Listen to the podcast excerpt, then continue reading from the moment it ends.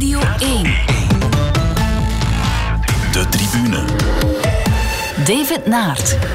Goedenavond en welkom in de tribune. Er gebeurde de voorbije week elke dag eigenlijk wel wat in het voetbal. Helaas was dat vaak niet al te fraai. Zo hadden we vorige week de Pano over Operatie Zero en Dejan Velkovic. Het voetbalweekend werd dan weer volledig ontsierd door het racisme aan het adres van Vincent Compagnie. En er waren nog wel enkele dingen. Daarover zal het vooral gaan het komende uur. Ik ben blij dat ik eh, dat kan doen met twee voetbalmannen. Sportza-collega Peter van den Bemt en Proximus-analyst Wim de Koning. Dag Peter, dag Wim. Goedenavond. Dag David. Ehm, hebben jullie ook iets positiefs gezien dit weekend?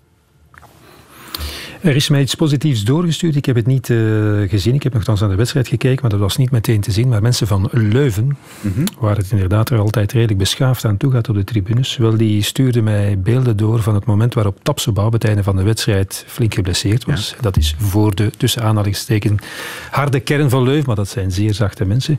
Wel, die hebben de hele tijd geapplaudisseerd. En ook toen hij werd eh, weggevoerd, hebben ze hem met eh, applaus begeleid. In plaats van met bier of eh, een of ander geluid. Maar Dus zou dat was- al een gevolg zijn van wat er namiddags Nee, dat, gebeurd nee, is? dat is eh, gewoon eh, de stijl van het huis. Ah, oké. Ja. Ja.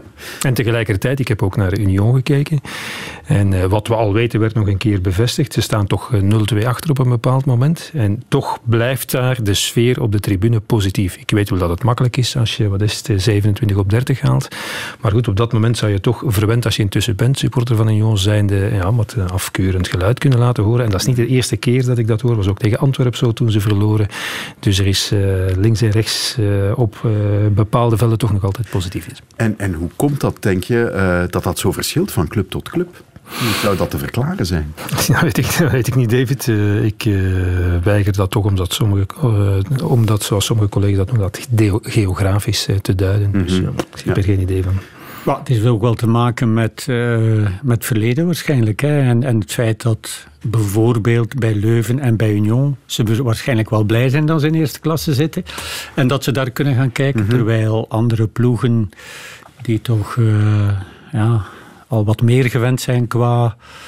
ehm, ja, qua palmares en zo, ja, Ja. Dat, wa- waar dan verliezen of zo het, het toch wel eh, moeilijker maakt. Ja, wat is jou nog in positieve zin opgevallen? Ja, Peter heeft hier al een aantal. Eh, goh, afgelopen weken is er veel gescoord in Belgisch voetbal en zijn er veel prachtige doelpunten gemaakt. En eh, oké, soms wordt er dan nogal veel gezocht de, de dag van vandaag naar de fouten die in de defensie gemaakt worden. Hè, want er worden altijd wel schuldigen eh, aangeduid bij een of ander doelpunt. Maar de schoonheid van de doelpunten en de veelheid van de goals die we gezien hebben, eh, dat was toch iets om je aan op te trekken. Hè. En Ja. eh, het niveau, ehm, goed, het had misschien net iets hoger mogen zijn gisteren in de, in de topper tussen Club en Anderlecht. Het was niet denderend, maar het was ook niet echt slecht. Hè. Als je de samenvatting bekeek, dan was het zelfs een, een goede topper. Eh, maar het werd natuurlijk wel overschaduwd. Maar spijtig genoeg kunnen we het over deze topper niet zoveel hebben vandaag, hè, het sportieve. Ja. Dadelijk gaan we ons over dat extra sportieve buigen, maar we beginnen met de momenten van de week. En eerst het moment van Wim. Het zat er al een tijdje aan te komen natuurlijk, maar het is nu ook officieel. Frankie Dury is niet langer de trainer van Zulte Waregem. Beste SCV'er, ik heb vandaag in onderling overleg met, eh, met de directie eh, onze samenwerking eh, beëindigd. Voor sommigen te vroeg, voor sommigen te laat. Laat ons samen als fans van de SCV de mooie momenten onthouden. Die waren talrijk en ik vraag nu ook aan iedereen om zich nu te focussen op, op de toekomst, op de redding, op de nog vele mooie jaren dat Zulte Waregem staat te wachten. Ik heb op een hele correcte manier afscheid kunnen nemen van directiemedewerkers, spelers en staf. En ik wil bij deze ook afscheid nemen van eh, de supporters en de partners. Het gaat jullie goed. Forza SCW. Dank u wel. Afscheid eh, van een legende. Mogen we dat in Waregem toch ja. noemen? hè? Ja, een, ja een, een unieke carrière in het Belgische voetbal. Hè. Hij verleek zichzelf op een gegeven moment, want ik zag een compilatie op de plaatselijke televisiezender. eh, met Giroud en eh, Alex Ferguson. Hè. En hij zei, als ik zoals Ferguson ook datzelfde kan nalaten dan als ik eh, technisch directeur ben, want dat is hij dan geworden uiteindelijk, uh, toch op papier in dat, bij dat tienjarig contract. Maar hij zegt daar zelf bij het afscheid, uh, ja, veel mooie momenten, maar dat wordt wel eens vergeten. Hè. De laatste jaren is dat wel vergeten wat Dury met, met Waregem gedaan heeft. Ik zeg nog altijd Waregem. De, de Franstalige collega's zeggen altijd Zult. Hè. dat is zo, ja, maar ik, ja. Hij zei ook voor zijn SCV, toch nog altijd, alhoewel dat hij van Zulte kwam. Hè. Niet vergeten, heeft Zulte van tweede provinciaal naar vierde klasse, naar derde klasse gebracht, zijn dan een jaar gezakt. Uiteindelijk is Waregem ter hulp geschoten, of is Zulte Waregem ter hulp geschoten, omdat uh, ja, Waregem had een stadion en dat was het, maar voor de rest was die ploeg echt wel helemaal failliet. Ja, het is zoals in Leuven ook, hè, waar Oud-Heverlee het belangrijkste deel is van, van de ploeg, maar ja, er toch vaak afvalt, ook bij mij. Ja, ja. voilà. Hè, Leuven, het is, het is Oud-Heverlee dat de club is, uh, die de club gered heeft. Ja, maar goed, heeft, van, de, van. Heel lang is er ja, ook tussen de supporters van Zulte, die niet zo talrijk waren, en die van Waregem wel wat oneenigheid geweest, maar dat was helemaal weg. Hij heeft dus twee keer de beker van België gewonnen. Heeft ze van derde klasse naar eerste klasse gebracht om te beginnen. Hij heeft twee keer de beker van België gewonnen, vijf keer play-off 1 niet met Waregem vijf keer play-off 1. Oké, er waren er zes ploegen toen hè, ja, die play-off 1 speelden. Dan nog. En dan, dan, nog, ja. Dan nog. Ja, bijna Belgisch kampioen. Bijna kampioen. Hij zo na, die wedstrijd op Anderlecht. Ja, Biglia, afgeweken bal uh, in, de, in de muur op een vrije trap. Anders is Waregem, Zulte Waregem kampioen van België met Dury. Heeft één keer overwinterd in Europa. Niet vergeten, dat is ook uh, geweldig. Heeft Champions League gespeeld met Waregem. Onvoorstelbaar. Ze hebben een nieuw stadion gebouwd, of ze zijn het nog altijd aan het bouwen. Er is geen buitenlandse inbreng. Er staat een uh, prachtig oefencomplex. Schitterend oefencomplex. Ja, er is echt wel veel gebeurd. Uh, alleen ja, het publiek ik zag ook dat er bij de kampioenswedstrijd in derde klasse was er 7.500 toeschouwers.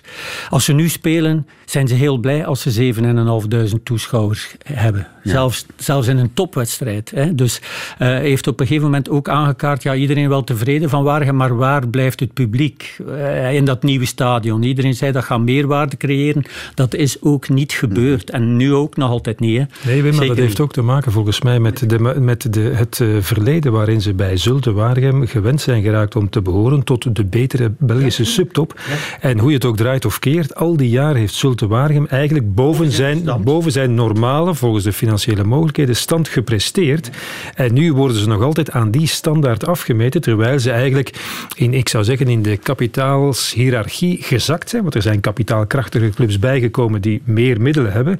En dus zal het voor Zulte Waregem een heel moeilijke opgave zijn om, om in de linkerkolom telkens te eindigen, ja, denk ik dan maar. Maar supporters dus met, en, nemen dat niet, hè? Nee, supporters, ja, supporters uh, weigeren dat te aanvaarden, maar het wordt tijd voor een beetje een realistische houding, lijkt mij, in de tribunes. Ja, Torgan Hazard, Junior Malanda en zo, die mensen kunnen ze ook niet meer gaan halen. Hè? Die, die samenwerking ja, met die, of, of die goede scouting, wat ze zo goed deden in het noorden van Frankrijk, telkens malen. En, en die elke, elke keer wel, en ook die, die Fransen, onbekende Fransen, die kwamen. Diallo heeft daar gespeeld, die speelt nu in PSG, hè? die doet mee, hè, Peter, we zien die regelmatig spelen. Die heeft in Zulte Waregem gezeten. Dus hij heeft altijd met, goed, met, met een goede kern kunnen werken. De laatste jaren was dat veel minder.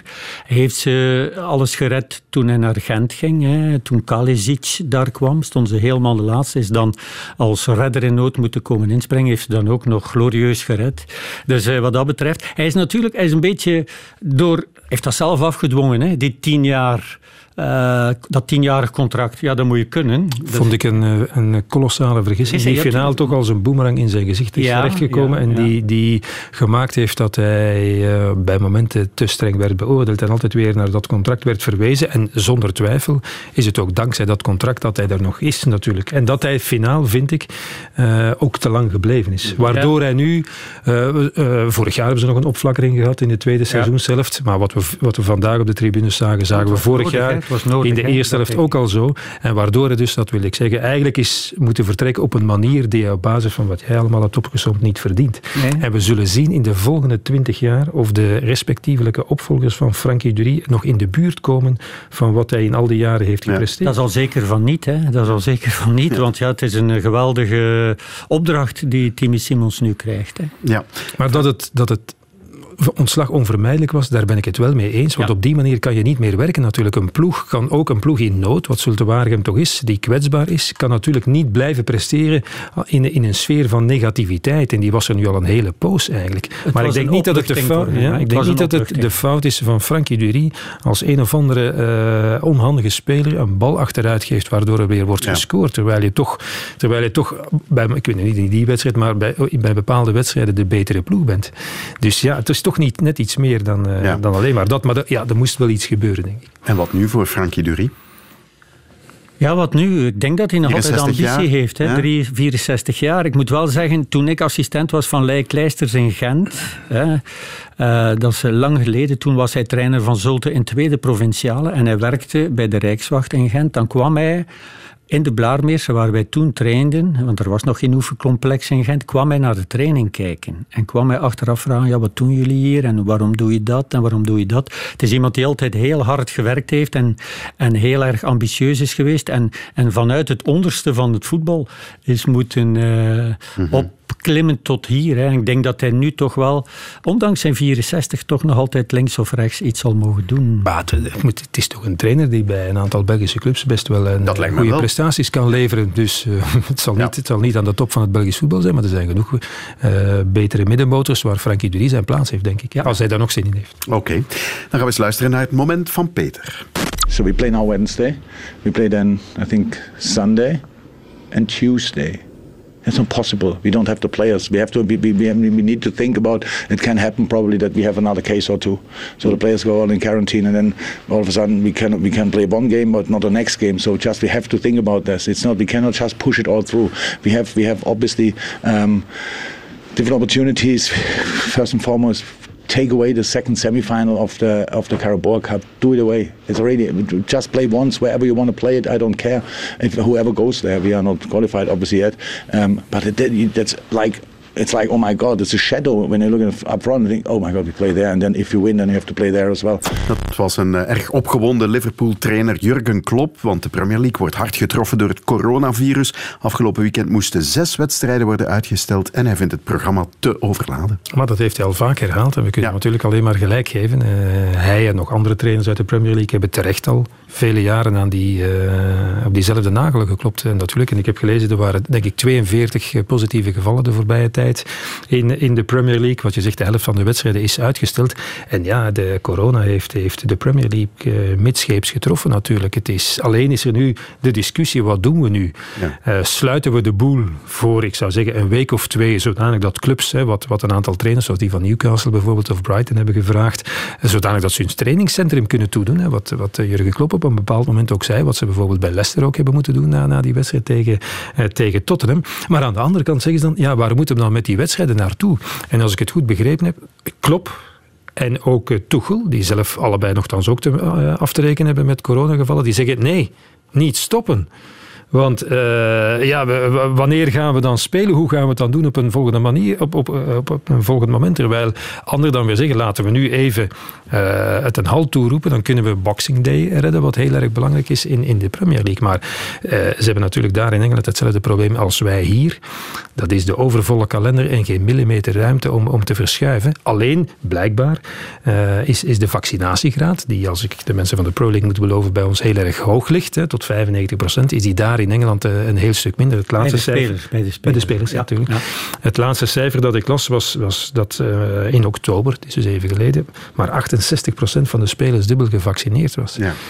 Dus ja, dat is natuurlijk een, een probleem. Twee reeksen lager was het, was het recent uh, eh, 25% niet, niet gevaccineerd in, in de derde klasse, denk ik dat het was. Dus ja, het is een, het is een mega groot probleem. We kunnen alleen maar ons hart vasthouden dat we ervan gespaard blijven hier, want we hebben natuurlijk hetzelfde probleem. Ja, want ze hebben wel vergaderd vanmiddag, want er was ook een optie om de speeldag op 28, 29, 30 december, om die uit te stellen. Maar nee, alles blijft dus gewoon behouden. Als een club 13 fitte, spe fitte, spelers en een doelman heeft, dan moet er worden gespeeld. Ja, je kan ook doen zoals UEFA. Hè. Die ja. hebben vandaag Tottenham uit uh, de UEFA... Conference League. Conference League, ja, sorry. gezet omdat ze niet konden spelen tegen Rennes. Ik weet u, dat was in de in volle coronaperiode ook het geval. Als je inderdaad 13 spelers had, dan, dan onder wie natuurlijk een doelman of twee doelman, dan moest je gewoon spelen, zelfs met de belofte als het nodig was. Dus dat is natuurlijk de waanzin voorbij. Dat is dan de dictatuur van het programma en de dictatuur van de, van de overvolle kalender. En, en uh, als je denkt dat, uh, dat we dit jaar uh, waanzin hebben wat het voetbal betreft, wacht dan maar een keer tot volgend jaar. Wanneer, wanneer de wereldbeker er nog eens tussendoor komt gefietst. En ik heb, ik heb nu, nu toevallig vanmiddag nog eens een, een kalender bekeken. Wel, we voetballen hier, dat wisten we tot het weekend voor de wereldbeker begint. En drie dagen na de finale, de kans is groot dat er niet te veel spelers uit de Jupiler Pro die daarin aanwezig zullen zijn, maar drie dagen na de finale spelen we alweer bekerwedstrijden. Ja. Dus. maar toch, ja, er zijn er toch altijd relatief veel hè, buitenlanders die dan uiteindelijk toch nog naar die wereldbeker mogen. Hè. Als je maar kijkt op het EK... De finale is uh, de finale is iets anders. Ja, tuurlijk. Ja, maar goed, maar ook... Ja, het gros zal wel uh, ja. weer thuis Kijk, zijn, we kunnen, we kunnen altijd wel zeggen, die verwende voetballers, maar het is gewoon niet meer normaal. Nee. Ze zijn overbevraagd en vooral ook, je hebt, je hebt de fysieke belasting. Ah, ik heb gezien, de FIFA vandaag nog eens uh, prijsgegeven wat er zoal aan te verdienen valt aan zo'n WK om de twee jaar in de veronderstelling. Misschien is het een juiste dat iedereen dan wel overstag gaat. En niemand vraagt zich af, als voetballers elke zomer opnieuw een belastend toernooi moeten spelen, het zijn ook altijd dezelfde die daar uh, spelen en die daar ver geraken, ja, dan op een bepaald moment houdt het natuurlijk helemaal op. Dan uh, hol je je product inderdaad helemaal uit. De tribune. Wat is dat toch allemaal met ons Belgisch voetbal? Tegenvallende resultaten in Europa, incidenten met vuurwerk, supporters op het veld, onthullingen van Dejan Velkovic, racistische verwensingen aan het adres van Vincent Compagnie. We lijken wel in een straatje zonder einde te zitten. Nog maar eens een gelijkspel tussen Club Brugge en Anderlecht. Billig of teleurgesteld? Uh, onbelangrijk allemaal zeggen Dejan Velkovic geld verdient en alle andere mensen niks verdient. Dat klopt niet. Spelers, trainers, managers, bestuurmensen. Ik, ik ga sowieso naar huis uh, gedegoûteerd en, en teleurgesteld. Er loopt gewoon een supporter van Beerschot het terrein over van het ene vak naar het andere vak met een vuurpijl. En die gooit die vuurpijl in het vak van Antwerpen. Mijn staf, spelers en mezelf we zijn uh, de hele wedstrijd lang uitgescholden geweest. Bruine aap en wat dan ook. Mensen komen rustig van de tribunes en gaan niet langs de geëikte kanalen naar buiten. Nee, die komen hier nu op het terrein en gaan dan een praatje slaan met Bodaar. Die wordt daar ook nog even geduwd. Jongens, jongens, jongens, wat is dit allemaal? Ze hebben allemaal een muts op, een masker aan.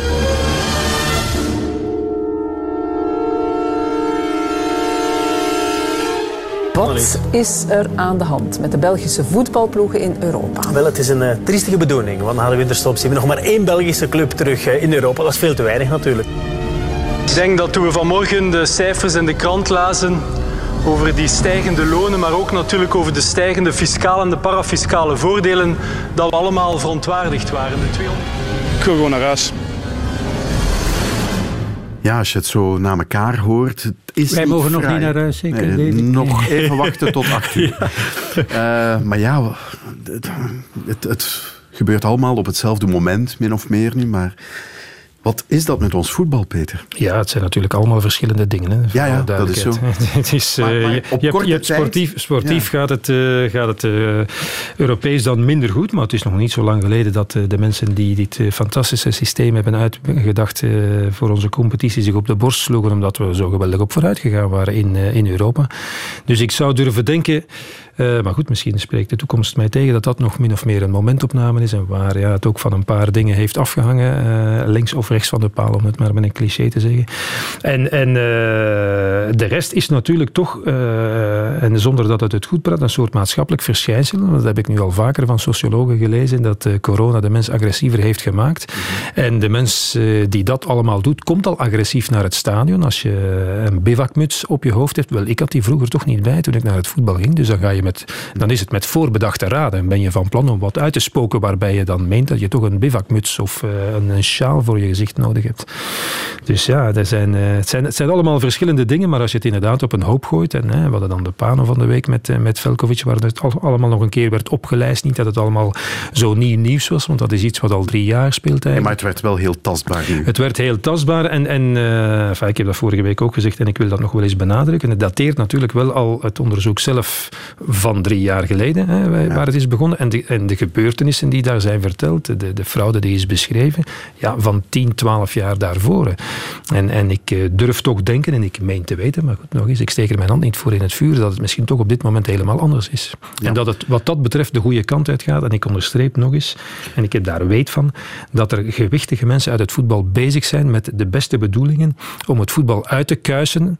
Er zijn al maatregelen genomen in het voetbal. Er zijn een aantal controlemechanismes om het dan over de, de fraude te hebben die, die ervoor zorgen dat ons voetbal transparanter wordt. En je kan daar altijd lacherig en meewarig over doen, maar ze bestaan wel en ze zijn natuurlijk nog maar een begin. Maar wel een bewijs dat, uh, dat het voetbal een andere richting uit wil. Maar het is natuurlijk uh, geen, geen uh, flexibele motorboot, maar een zware ja. tanker die je de andere richting moet uitduwen. En dat, dat duurt natuurlijk zijn tijd. Maar laten we eerst misschien ons buigen over wat er gisteren gebeurd is tijdens de wedstrijd Club Brugge-Anderlecht. En het racisme aan het adres van Vincent Compagnie. Ja, toen ik dat bericht kreeg, want ik ik heb het ook niet, niemand heeft het gehoord, denk ik, hè? Die, die ook naar de wedstrijd nee, keek. Was ook, ook naar Rassi Meru en, en uh, Amuzu toen die zich aan het opwarmen waren, blijkbaar. Die hebben dan nadien toch in de kleedkamer daar ook. Uh... En Vincent heeft het niet aangegeven tijdens de wedstrijd. Dat is spijtig natuurlijk. Hij heeft misschien ook het sportieve willen redden en, en daar niet te veel mm -hmm. zaak willen van maken, maar heeft nadien natuurlijk wel aangeklaagd. En het feit dat hij het is, is natuurlijk... Dat vond ik verbijsterend. Ja, Ver, maar, ronduit verbijsterend. Ja, ja, voilà. Ik zou zeggen, het doet er eigenlijk niet toe dat nee, hij het is. Nee. Het doet er niet toe. Nee, of het, het nu een onbekende wel... donkere jongen is ja. van Eupen, of het is Vincent Company, dat doet er eigenlijk niet toe. Dat, nee, maar dat... Paul Beloy zei deze morgen wel terecht van als het Aboubakar uh, Koita is, dan gaat er veel minder over uh, ja. gebeuren. Want dat is wel al gebeurd en die heeft het al wel aangegeven. Maar als Company dat aangeeft, ja, dan wordt het hoog tijd dat we daar paal en perk aan stellen ja, natuurlijk. Uh, je verwees naar Paul Beloy, zat inderdaad in de ochtend. Ik heb er een fragmentje uitgehaald. Uh, ik ben bezig met rond racisme al jaren. Mm -hmm. En dat, is, dat heeft wel zijn redenen. Want als, als de zaken zouden veranderen, dan, dan moest ik mij daar niet meer, niet meer mee bezighouden.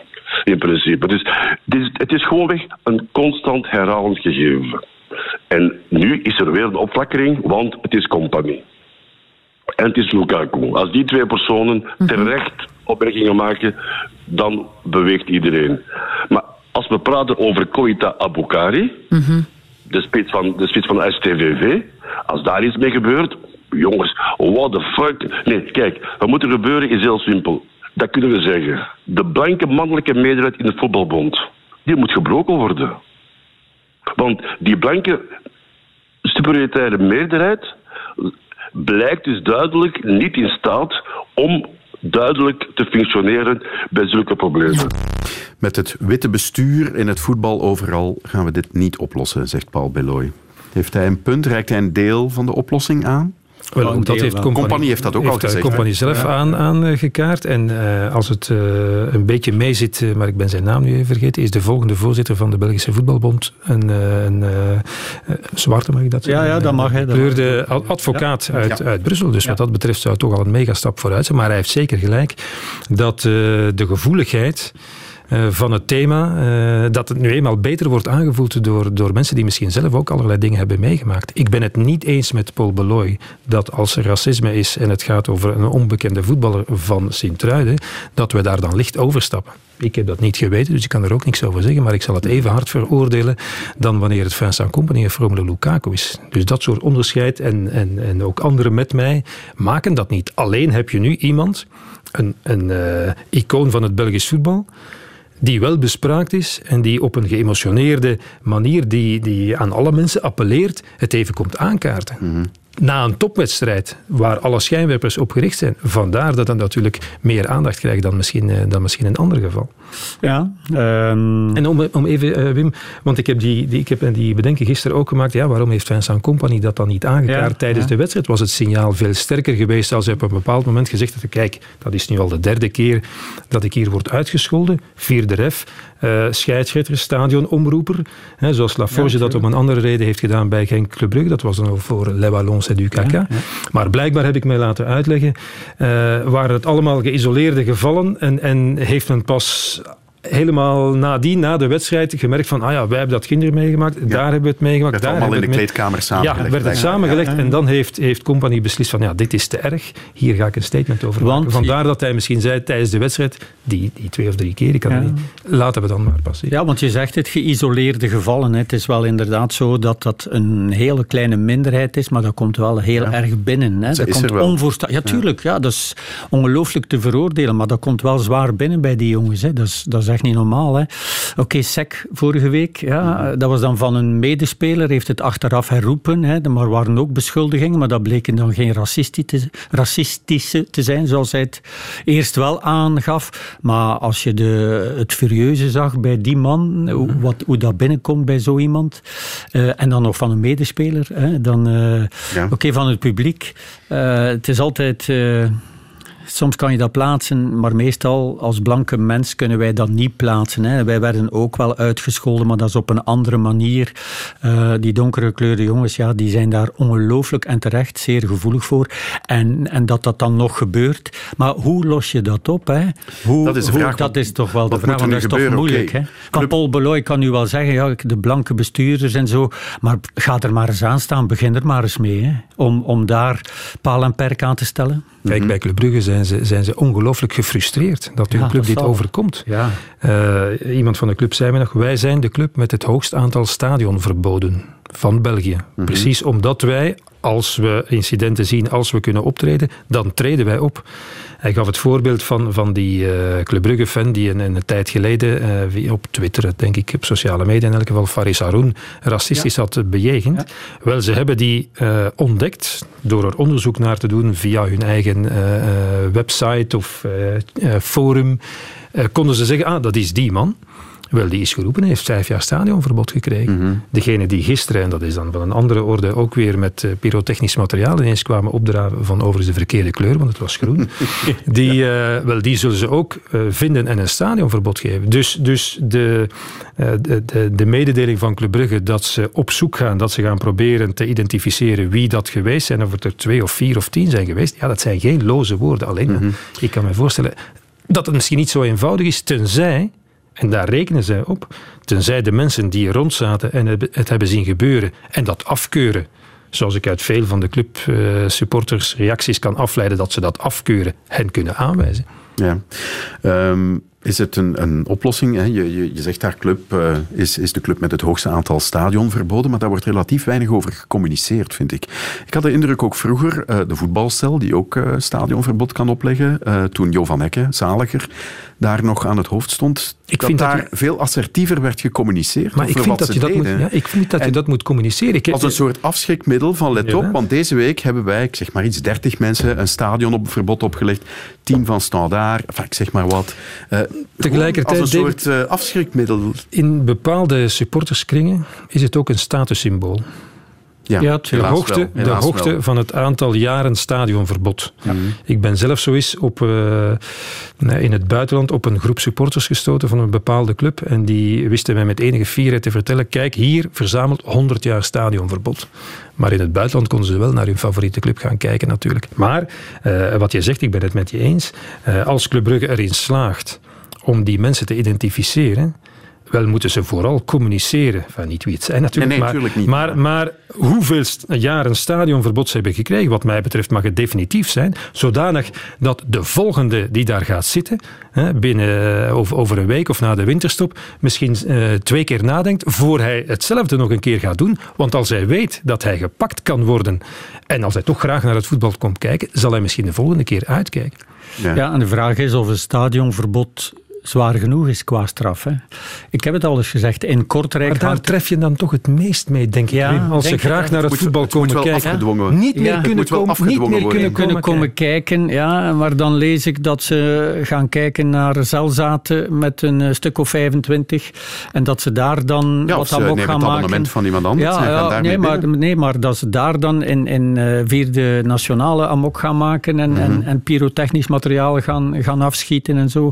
Waar de politie dan moet optreden en waar ze de wedstrijd moeten stilleggen gedurende een bepaalde tijd. Ja, de vraag is of je ze niet harder moet treffen, waardoor iedereen zich dan toch een beetje gaat inhouden. En degenen die alleen maar daarvoor naar het stadion komen, want soms denk ik zijn dat wel supporters. Hè. Mhm. Eh, Ze zullen wel voor hun club staan, maar, maar soms vergeten ze ook wel naar die wedstrijd te kijken. Hè. En zijn ze vooral bezig met wat kunnen we hier vandaag nu weer eens eh, ja, in de fik steken. Ja.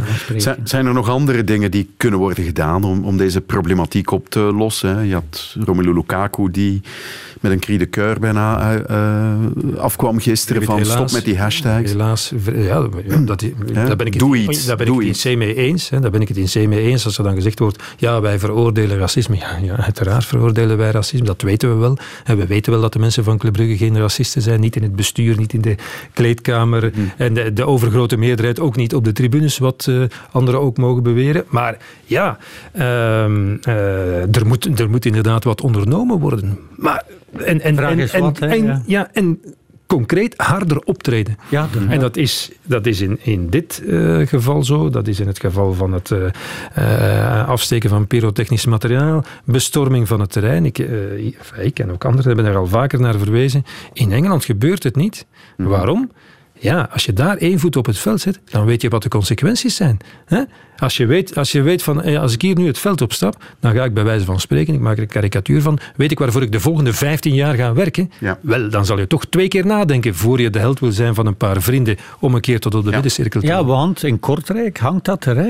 Het veld betreden is 1000 euro boete en stadion. Maar 1000 euro, Wim? Nee, maar 1000 Nee, maak er, die mensen- maak er ja, 10.000 maar, ja, maar van. begin met 1000. Hè. Dan ga je van die 200 die in standaard erop komen. Die, die, dan ga je er geen 200 meer vinden die op het veld komen. Als ze 1000 euro moeten betalen als ze gepakt worden. En die gasten pakken, dat kan toch niet moeilijk Mhm. Maar zijn? bijvoorbeeld Ja, die maar mensen die in, Ja, in Mechelen van Standaard het veld zijn opgekomen, net voor het begin van de tweede helft, en daar gewoon zaten te duwen tegen. Iedereen weet wie dat zijn. Die zijn na hun optreden gewoon weer in het vak gekropen. Daar zitten spotters van de politie in. En als ik dan vraag aan, aan mensen die ik daar nu ken, die daar ook in dat vak zitten, dan zeggen ze, ja, maar nee, niemand doet wat. Want als ze die vier eruit halen, breekt de hel los. Ja, ja, ja. Ja? Ja, En bovendien, weken later wisten ze mij te melden, nog altijd niets mee gebeurd. Ah, ja, met die ja, mensen die, ja. dus ja, De als dat, als dat de manier is waarop daarmee omgegaan zelf, wordt, want ik, ik was op die wedstrijd, minutenlang stonden die op ook het veld. dat is, dat is ongelooflijk. onwaarschijnlijk. Dat is onwaarschijnlijk. Als scheidsrechter, oké, ik begrijp wel, Een druk is maar terug naar binnen. strieker loopt het veld op. Ja. Daar springen ze met zeven op. En die nemen ze dan in een houtgreep. Een onschuldige, een domme, maar toch een onschuldige strieker. En daar mag geen camera op dan. Hè? Ja, ook Maar, hè. maar vier, vijf supporters van een bedenkelijk allooi die de spelers gaan belagen toch wel? Ja. Bedreigen? Nee. Ja. Die blijven daar inderdaad minutenlang staan en die wandelen nadien gewoon Ja. weer terug. Om even door te gaan over dat eh, wangedrag van de supporters van Standaard en, en Beerschot ook in die wedstrijd tegen Antwerpen. Het bondsparket eist nu forse straffen. Hè. Drie matchen achter gesloten deuren thuis voor Standaard, twee voor Beerschot. Eh, ja, het valt te zien wat de effectieve straffen zullen zijn natuurlijk. Maar is dat een stap in de goede richting? Is dat een zware straf? Maar het probleem Zal is wel altijd- maken. Mij lijkt van wel. Ja, het, zal, het is een zware straf, zeker voor de club. En het zal maken dat de clubs veel alerter gaan zijn op dit soort zaken en veel meer controle gaan doen natuurlijk. Je sleurt natuurlijk ook een heleboel hun- mensen mee Ja, ja. die er Ja. niets mee te maken, Maken hebben. hebben, nee, ja. Het enige wat je daarmee kan bereiken is dat, dat eh, supporters alerter gaan zijn voor wat er naast hen gebeurt. Dat ze, ik zou zeggen, medesupporters misschien attent gaan maken op dingen eh, die niet mogen, maar tegelijkertijd, David, wordt mij ook vaak verteld, ze zijn er gewoon bang van. En dat, ook, ook daar heb ik al een begrip voor. Het zijn mensen ja, tegen wie je geen opmerkingen durft maken als brave huisvader die er met zijn vrouw en zijn twee kinderen komt naar kijken. Omdat er straffeloosheid is. Hè. En, uh, ja, dat je moet gewoon een paar, uh, een paar uh, ja, maar zo, ze, voor je kop krijgt. Ja, voilà. En ze weten toch dat er niks mee gebeurt en dan ze daar de volgende keer weer zijn. En dat ze, ja, maar er, er wordt va vaak ook gezegd, ah ja, stewards staan erop te kijken. Ja. Maar ik heb ook vaak medelijden met die stewards. Er zijn vrijwilligers die daarvoor 25 euro bij wijze van spreken ja, ook bang zijn om een pak slaag te krijgen. Want die, die, kan je, die kan je dat ook niet verwijten. Peter, waarom hebben we ze daar gezet? Omdat als de politie daar stond, ja, dat lokte uit. Dat mochten we ook niet meer doen. Dus moesten er stewards komen. Maar stewards staan daar inderdaad ja, met een ja, leven te spelen, bij manier van spreken. Om nu het geval van Beerschot, we hebben toch allemaal gezien wat daar gebeurd is. En dan zeggen we, ah, er is een idioot die dus, hè, wat Tom eh, nog beschreef, het veld overloopt en een vuurpijl in een vak vol mensen gooit. Maar wat ik minstens zo erg vond, was het aanmoedigend applaus wat ik op al die filmpjes heb gezien. en het gejuich op het moment... Uh, ze hadden al lang niet meer gescoord, dus ze hebben daar dan van geprofiteerd. Het gejuich dat opsteeg wanneer die pijl in dat Antwerpvak terecht kwam. Dus ja, dat, dat vind ik natuurlijk tragisch. En wat doet Beerschot dan als club? Klacht indienen. Tegen de klacht politie. indienen tegen de, politie. En ik ben het ermee eens. Ik keek ernaar. Ik dacht, ja, ja, dat is er misschien een beetje over. Maar dat geeft je als club wel een ongelooflijk slecht signaal, vind ik. Ja. Zeker weten. Hmm, ik word er niet vrolijk van. Nee, nee, nee. nee. De tribune. Afgelopen dinsdag zond Pano het lang verwachte interview uit met voetbalmakelaar Dejan Velkovic. Dat was en is een van de speelfiguren in Operatie Zero. Een fragment. Veel keren Peter zien Meestal hij komt bij mij thuis, uh, geef hem geld uh, en ik ga in hotel en ik ga in zijn bureau in, uh, in, in Lokeren. Maar meestal hij komt ook bij mij thuis en dan ook als hij vertrekt, hij vraagt ook, ik geef hem geld. Ik zeg, moet altijd tellen. Dat niet achteraf zeggen, ah, ik heb minder voor mij moeten tellen. Dat ik correct club betaald en hij telt. En dan altijd vragen nog wel gewoon de lijstenzak of broodzak. En dan insteken geld en vertrekken naar huis. Kan je zeggen, in zijn totaliteit, hoeveel heeft, uh, heeft Peter Maas dan eigenlijk uh, alles, verdiend? Alles samen uh, meer dan 2 miljoen in zwart. Dat was een van de opzienbare uitspraken van Dejan Velkovic over trainer Peter Maas. Ja, Peter, dat interview dateert van februari 2020. Hoe heb je daar nu ruim anderhalf jaar later naar gekeken? Ja, goed, het was natuurlijk niet nieuw meer. Hè. Uh, mm Ik heb me daar vooral hooglijk over verbaasd uh, in februari 20. Toen hij al die verhalen vertelde. En goed, er was op dat moment ook al wat verschenen in, in de media. Maar, maar uh, ja, de omvang ervan was toch verbazingwekkend. Dat heb ik altijd gevonden, ook nog lang nadien. Dat okay, dat er zwart geld omging in het voetbal, zoals in de rest van de maatschappij, dat was natuurlijk geen grote verrassing. Maar dat het op die manier en op die uh, schaal uh, gebeurde, dat wel natuurlijk. Ja. Er is Goed, ik denk dat wij rond de uitzending voldoende gekaderd hebben. Eén, waarom wij Dejan Velkovic aan het woord lieten als spijtoptand. En, en hoe wij daar tegenaan keken. Niet als het grote slachtoffer van een systeem en, en die alleen maar kon uitvoeren omdat het niet anders ging. Maar nee, iemand die er uh, actief en proactief, wat ik ook gezegd heeft in meegedraaid. Ja, uh, er is ook een boek verschenen uh, en daarin komt Stefan Keijnaert, chef voetbal van het laatste nieuws, in opspraak. Uh, Keijnaert ontkende wel dat hij geld aannam van Velkovic, wat in dat boek eh, staat. Maar hij gaf intussen wel toe dat hij een riem en een paar schoenen liet betalen door de makelaar. En net vandaag is Keijnaert ontslagen door het laatste nieuws. Uh, het uh, luidt daar dat het gaat over een verschil in mening over de toepassing van de deontologische code. En dat dus na de onthullingen, de recente onthullingen in Operatie Zero. Ja, dat is toch een groot journalistiek slachtoffer dat hier valt. Kijk, David, eh, ik kan alleen maar zeggen dat, eh, dat Dejan Velkovic al meer dan drie jaar geleden, omdat hij een groot persoonlijk conflict eh, heeft gehad met, eh, met die, de chef voetbal van het laatste nieuws, overal heeft verkondigd dat hij hem kapot ging maken. Dat heeft mhm. hij ook tegen mensen van Pano nog gezegd tot een week of twee geleden. En dat hij overal zijn naam ging noemen. Wel, ik kan alleen maar zeggen dat hij erin geslaagd is. En mhm. eh, eh, ik heb eh, uitgelegd waarom de, de journalist in kwestie in de Pano-reportage niet aan bod is gekomen, waarom wij daar als redactie zeer goede redenen voor hadden.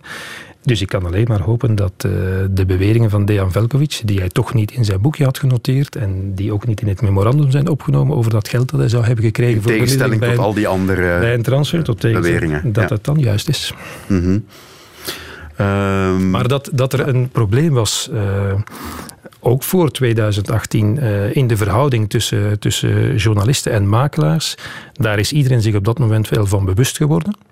Maar ik heb altijd gezegd, voor we de journalisten veroordelen die te close banden hadden en te dicht waren met, met makelaars, moeten we wel ons afvragen waarom moeten die, die collega's van ons dat doen? Omdat zij natuurlijk ook door hun bazen onder druk worden gezet om primeurs te hebben.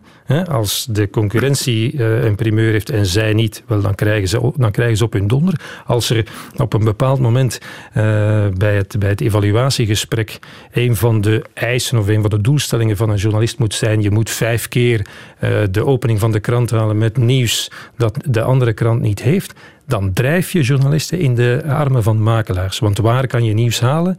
Wel bij de makelaars. Ja, ja de en pagina moet gevuld en worden. En die geven, dat niet in, die geven dat niet zomaar, dat gaat dan in een soort ruildeal. Ja, het is een dunne en, grens. En, dat is een zeer, dat is een zeer dunne grens. En ik spreek mij niet uit over dit geval of een ander geval. Ik, wil, ik schets alleen maar de situatie waarin bepaalde collega's moeten werken. Mm -hmm.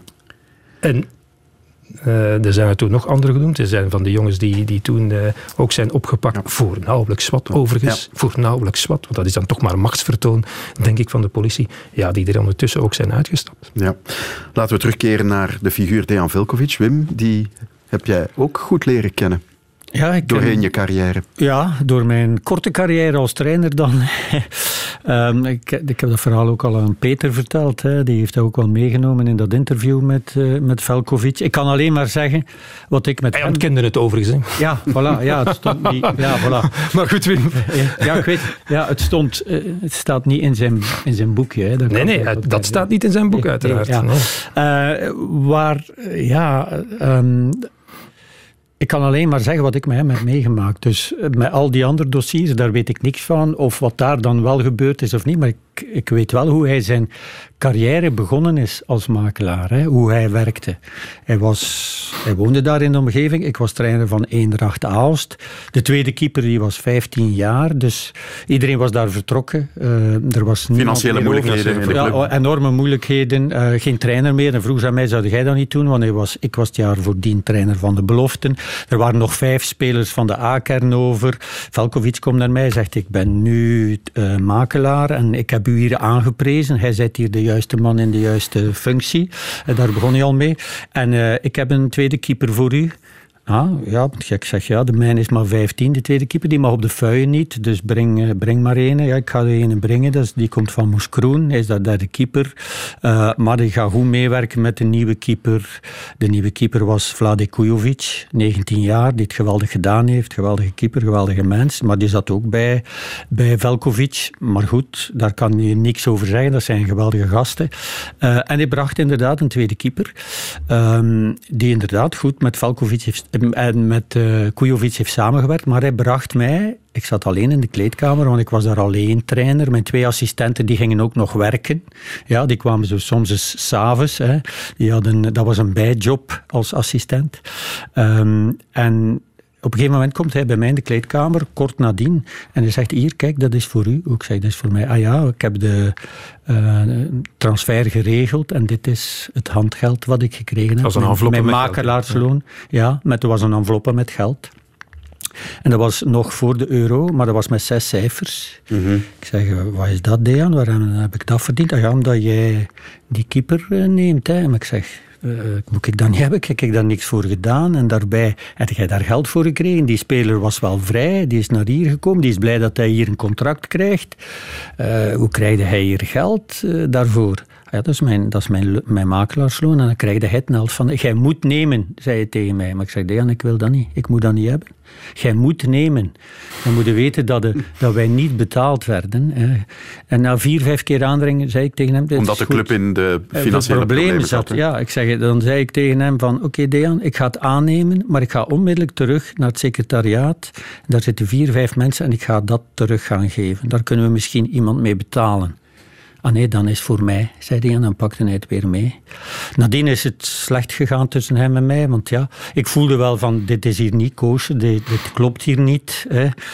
Um, dat is het moment waarop je kiest om je te laten corrumperen ja, of ja, niet. niet ja. Dus Wim heeft gezegd, ja, nee, nee. Nee, ik doe dat niet. Ik voelde dat onmiddellijk aan. Het is wat een, wat een, uh, club, een clubleider van een grote club mij heeft uh, gezegd uh, lang geleden al, met die, met die Rolex. Hij zei, dat zijn handboeien. Ja, maar dat is ook zo. Dat, dat is ook zo. En als jij je vast heeft, ja, dan heeft hij je vast. Waarschijnlijk. Maar hè. goed, Was in mijn geval niet. Hij had vijf spelers. Nadien is er echt wel van alles gebeurd. Ik behandelde zijn spelers als de rest. Ja, als trainer vond ik dat, dat dat ook moest. Maar ik kon daar niet mee om. Want als er dan één of twee op de bank zaten, of drie, want die moesten dan meerwaarde opbrengen, veronderstel ik en zo. Dat kwam hij ook in mijn kleedkamer. Ik heb af en toe, ik heb één keer een handgemeen gehad met hem, omdat ik zijn beste speler, en dat was ook een goede speler bij mij, Filipovic, maar die liep geen meter eh, op training. Hè, dus die zet ik maar eens op de bank. Op Moeskroen, ik weet het nog, verloren 2-0. De zondag stond hij in mijn kleedkamer. Hè, en dan om te, eh, ja, mij te bedreigen. Hè. Ik, ik vecht nooit en ik ik noem het geen gevecht, maar het was wel een handgemeen. En hij ging dan ook wel buiten. Ik heb hem buiten gestoken. Eh, en nadien, ja, wij werden ook op een gegeven moment in Aalst, gaandeweg het seizoen, betaald in ongedekte checks. Zover was het gekomen met de club. Ongedekte checks, uitgenomen vijf spelers. Daar kwam ik achter, die werden wel betaald. Dat waren de spelers van Dejan Velkovic. Dus hij had ook al medewerkers, noem ik dat dan, tussen aanhalingstekens, gevonden aan de bron degene die moesten betalen op een of andere manier, had Mhm. hij ook op een of andere manier in zijn richting gekregen. En hoe, hoe, dat was de manier waarop hij werkte en waarop het lukte, blijkbaar. En waarop hij misschien altijd op dezelfde manier is blijven werken. Veronderstel ik. Maar dat weet ik niet natuurlijk. Hè. Eh, alleen heb ik daar inderdaad gezegd van nee. En ik ben er dan ook snel uitgevlogen. Er zat daar ook wel voor iets tussen. Ehm, terwijl ik het wel goed deed, dat mag ik gerust zeggen. eh, vloog ik er toch uit. Want ja, ik was niet de meewerkende coach. En, ehm, mijn leven is anders geëvolueerd.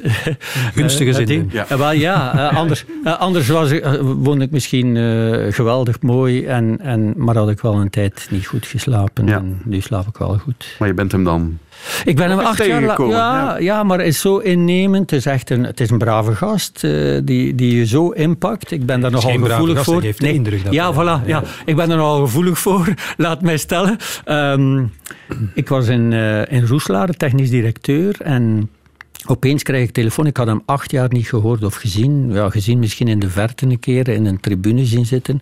Ehm, en hij belt mij en hij zegt: eh, Ja, goh, ik ben tot één keer gekomen. Ik heb u slecht behandeld. Ik ga iets doen voor u. Ik heb iets voor u, iets heel speciaal. Ik doe dat anders voor niemand. Ik wil goedmaken wat verkeerd is gelopen tussen ons. En dat was met een Servische linksbuiten die in Montenegro speelde. Eh, waar ik dan toch wou naar gaan kijken, want ik had eh, de DVD gekregen en ik moet zeggen, die liep, liep heel snel. Alleen was die DVD anderhalf keer versneld, ja, waardoor hij heel snel liep. Maar ook die verdediger van 40 jaar die daar tegen speelde, liep heel snel. Dat viel mij wel op. En dan dacht ik van, ja, ik, eh, ik ga toch eens kijken. En eigenlijk vlak voor ik eh, zou vertrekken in Zaventem naar Skopje, krijg ik een telefoon van iemand die mij zegt: Jij weet toch wel, die speler waar jij naar gaat kijken, dat die een vrije speler is? Want ik was al met die voorzitter en met Velkovic in Antwerpen. Dat kwam ook door Drajan Siljanovski, die mijn speler was in Antwerpen, als ik coach was in Antwerpen. Die was dan gaan samenwerken met, eh, met Velkovic, met die, met die patroon van die ploeg, waarbij ik dan ook thuis geweest ben in Skopje. Eh, die woonde in een kasteel, ja, dat was geweldig. Maar die speler was niet goed genoeg. Terwijl er werd mij daar al onder druk gezet om te tekenen de avond voor die bekerfinale. Want het was Dus nog voor je hem gezien Ja, had. nog voor ik hem Precies, gezien had. waarvoor je naar daar ging Ja, om die tuurlijk, speler aan ja. het werk te zien. En daar waren eh, kleerkasten van, eh, van bodyguards bij, bij die voorzitter. Ik voelde mij daar echt heel onveilig en ik was heel erg blij toen ik mensen van Lierse en ook van Lokeren, om hem niet te noemen, Zors Lekes, daar zag toekomen om spelers te scouten. Ik was heel erg blij en dankzij Zors ben ik daar weggeraakt, want als ik daar alleen zat, had ik echt wel het gevoel, ik heb me nog nooit zo bedreigd gevoeld als toen. Niet door Dejan, maar door heel die entourage. Het idee was, het was een vrije speler en hij had jij Hij had mij gezegd, hij hij had- x aantal Ik heb een speler kosten. voor jou. Ik heb ja. een speler voor jou, die kost normaal 250.000 euro. Dat is een geweldige speler. En jullie krijgen hem voor 150.000. Eigen- Ja, wat bleek? Dat, dat ze die dus daar nog hebben een contract laten tekenen, een pro forma, onder mijn neus. Omdat dat, dat moest daar rechtgezet worden. Dat was een deal tussen die voorzitter en, de, de- ja, en ze gingen dat dan verdelen. Eh, hoogstwaarschijnlijk, denk ik dan. Eh, maar ik was er wel gedegoteerd van, eerlijk gezegd. En ik, heb, ik heb mij wel laten inpakken, zo een tweede keer. Ah ja, die mens meent het. Ja, hè, daar, heb ik, eh, daar had ik het slecht. Ik had echt niet meer mogen vertrekken naar Ginder. Hè, want ik zei van, nu kom ik niet. Ik heb hem gebeld, ik kom niet af. Hè. Ik ga nu niet... Later is hij nog lastig geworden op mij, dat kan ik wel zeggen. Omdat ik de, de vliegtickets niet wou terugbetalen. omdat ik die speler niet genomen had. Ja, heel erg lastig geweest. Een aantal keer toch wel eh, ferme, bedreigende telefoontjes gekregen. Maar goed, voor de rest... Dat, eh, zo werkte hij met mij. Hoe hij met andere mensen heeft gewerkt, nogmaals, dat weet ik niet. Daar kan ik echt niks over zeggen. Maar ehm, het feit dat hij inderdaad ja, zo manifest aanwezig was, overal en bij veel clubs. eh, ja. En dat laat ook denken van, oké, Moji Bayat was ook zo manifest aanwezig, maar Moji Bayat die zit overal tussen. Allee, of niet tussen. Hè. Die blijft overal buiten, laat ons zo stellen. Omdat hij, ja, Valkovic schreef alles in boekjes. Anders had ik er ook in gestaan, denk ik. Hè. Ja. Eh, was een van de eerste misschien, hè. het was het begin van zijn carrière. Ja. Ja. Had een twijfelachtige primeur geweest. Ja, ja. Maar bedankt om eh, je verhalen te delen met ons. Ehm, ja, Peter, uitgerekend vandaag kondigde de voorzitter van de Pro League, Peter Kronen, de voorzitter van Racing Genk ook, eh, dat hij, kondigde hij aan dat hij opstapt als voorzitter van de Pro League. Een wat bizarre timing, maar het stond blijkbaar toch in de sterren geschreven dat hij het wel, eh, voor bekeken zou houden. Volgens mijn informatie was het al een tijdje afgesproken eigenlijk. Ik weet niet of het de bedoeling was om het nu dan meteen te doen, maar wat ik zei, de Pro League, eh, andere mensen gaan toch eh, het roer in handen nemen. Eh, ga- gaan proberen een, een soort eh, ja, eh, nieuw plan voor de toekomst van, van ons voetbal en van de Pro League uit te schrijven. En, en Peter Kroon had zelf ingestemd met of voorgesteld, of was het ermee eens dat hij, dat hij niet langer voorzitter zou zijn. Ik weet niet of die discussie over de kalender dat dan nu versneld heeft. Dat is misschien wat anders, Mhm. omdat hij zelf zegt in zijn persberichten: het is de spreidstand te veel. Het maar, over het dat hij- uitstellen van competitiewedstrijden in januari. Maar maar dat dat- trouwens gelijk gekregen Ja, voor het Bas. Hè? Van het Ja. Bas en ze zijn nu twee wedstrijden uitgespeeld. Eén zal eh, op het eh, voorziene datum gespeeld worden. Maar dat, dat eh, Peter Kronen niet nog een keer voor een nieuw mandaat ging, dat lag in elk geval al vast. Dat had dan Mhm. niet speciaal te maken met wat er de voorbije tijd door, door de kalendercommissie is ge- gebeurd. En hoe kijk jij naar zijn legacy als voorzitter van de Pro League? Want dat blijft toch een krabbenmand. Eh, ja, dat is een, een zeer ondankbare taak. En eh, ik ben eh, zeker de eerste om te zeggen dat hij een, een bona fide voorzitter is geweest. Iemand die het goed meende. Maar iemand die toch de strijd met de spreidstand, zoals hij die zelf noemt, verloren heeft. En op, op cruciale momenten is dat toch altijd naar boven gekomen. Werd hij zwaar onder druk gezet binnen zijn eigen club om bepaalde beslissingen te nemen. Rond het stopzetten van de competitie, de hervormingen met 18, met 16, de, de, de soap rond Leuven en Beerschot enzovoort. eh, stond hij ook onder wat ik toch negatieve invloed moet noemen van de CEO, Pierre François, waar, eh, die, hij, die hij toch, ja, ik zou zeggen, te veel heeft, heeft gevolgd in zijn juridische adviezen ook, die uiteindelijk toch, waarvoor de Pro League toch een zware prijs heeft betaald, letterlijk en, en figuurlijk. Dus alles bij elkaar, eh, ondanks al zijn goede bedoelingen en, en nog eens zijn, zijn, zijn eerlijkheid, is het toch geen goed mandaat geweest, als je het mij vraagt. En, en nog eens, misschien is het ook een, een onmogelijk mandaat geweest. En hij is natuurlijk ook wel voorzitter geweest in een bepaald woelige periode.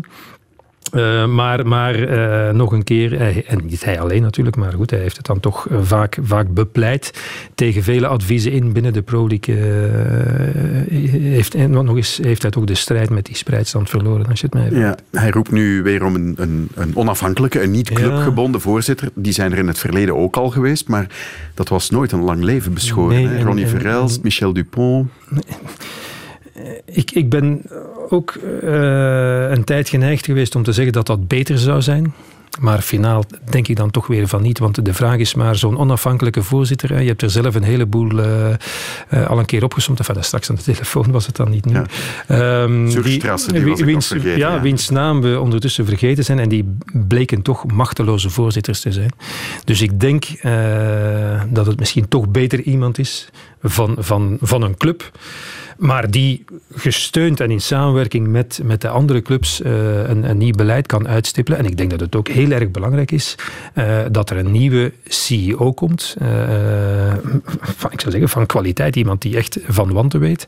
En, en die vertrouwd is met alles wat, wat belangrijk is voor, voor een CEO. Maar wie of wat de naam nu ook is van de volgende voorzitter, ik denk dat het ongelooflijk belangrijk is dat de grote clubs Anderlecht, Club Brugge, uh, agent Racing Genk, uh, Peter Kroon in zijn rol dan als voorzitter van, van Racing Genk, de handen in elkaar slaan en, en uh, niet langer elkaar proberen vliegen af te vangen, wat eigenlijk de voorbije 10, 15 jaar is gebeurd. En, en je kan van Roger van een stok zeggen wat je wil, maar hij was wel altijd een verzoenende figuur aan het hoofd van de Pro League, die, die vaak uh, beslissing heeft genomen of goedgekeurd of ondersteund, die eigenlijk toch binnen zijn eigen club niet noodzakelijk op applaus werden, werden onthaald.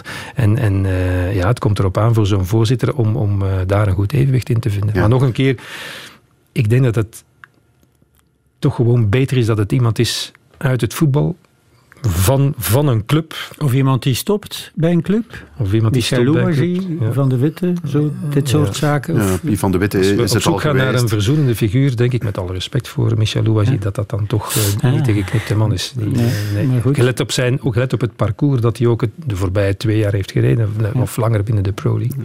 Nog iets voor jou misschien, Wim? Nee, denk ik niet. nee, want ja... Uh, het is, ook, het is een beetje een onmogelijke functie ook, denk ik, hè, om daar goed ja, te doen. Ja, ja, Met alle begrip daarvoor, voor de onmogelijkheid van die... Van die ja. Op en, dit moment. En zoals uh, Peter dit moment. Ja, voilà. En zoals Peter zei, ja, want er moet zoveel gebeuren en er is zoveel om, uh, om recht te trekken. En, en vooral, ja, iedereen die daar in die prolik zit, die schermt voor zijn eigen ploeg. Hè. Dat moet veranderen. Dat er moet is, veranderen. Er is echt is... geen tijd te verliezen. Ook in het, uh, in het, wel, ook in het dossier rond de fiscale en parafiscale voordelen hebben ze nu een soort uh, herkansing gekregen, een soort uitstel van executie bij wijze van spreken. Ja. Maar dat komt in het voorjaar weer op tafel. En het zal van levensbelang zijn, ik overdrijf niet voor ons voetbal, dat het voetbal zelf proactief met een aanvaard, voor de politiek en voor de buitenwereld aanvaardbaar voorstel komt en blijk geeft van wil tot verandering. Oké, we zullen zien of dat allemaal lukt in het nieuwe jaar. Dit was de laatste reguliere aflevering van de tribune van 2021. In de kerstvakantie brengen we telkens op maandag wel een eindejaarspodcast van de tribune, waarin drie gasten terugblikken op de belangrijkste sportmomenten van het voorbije jaar. Op maandag 10 januari zijn we er dan weer zowel op Radio 1 als op podcast met de tribune zoals u die gewend bent. Fijne eindejaarsfeesten en tot gauw.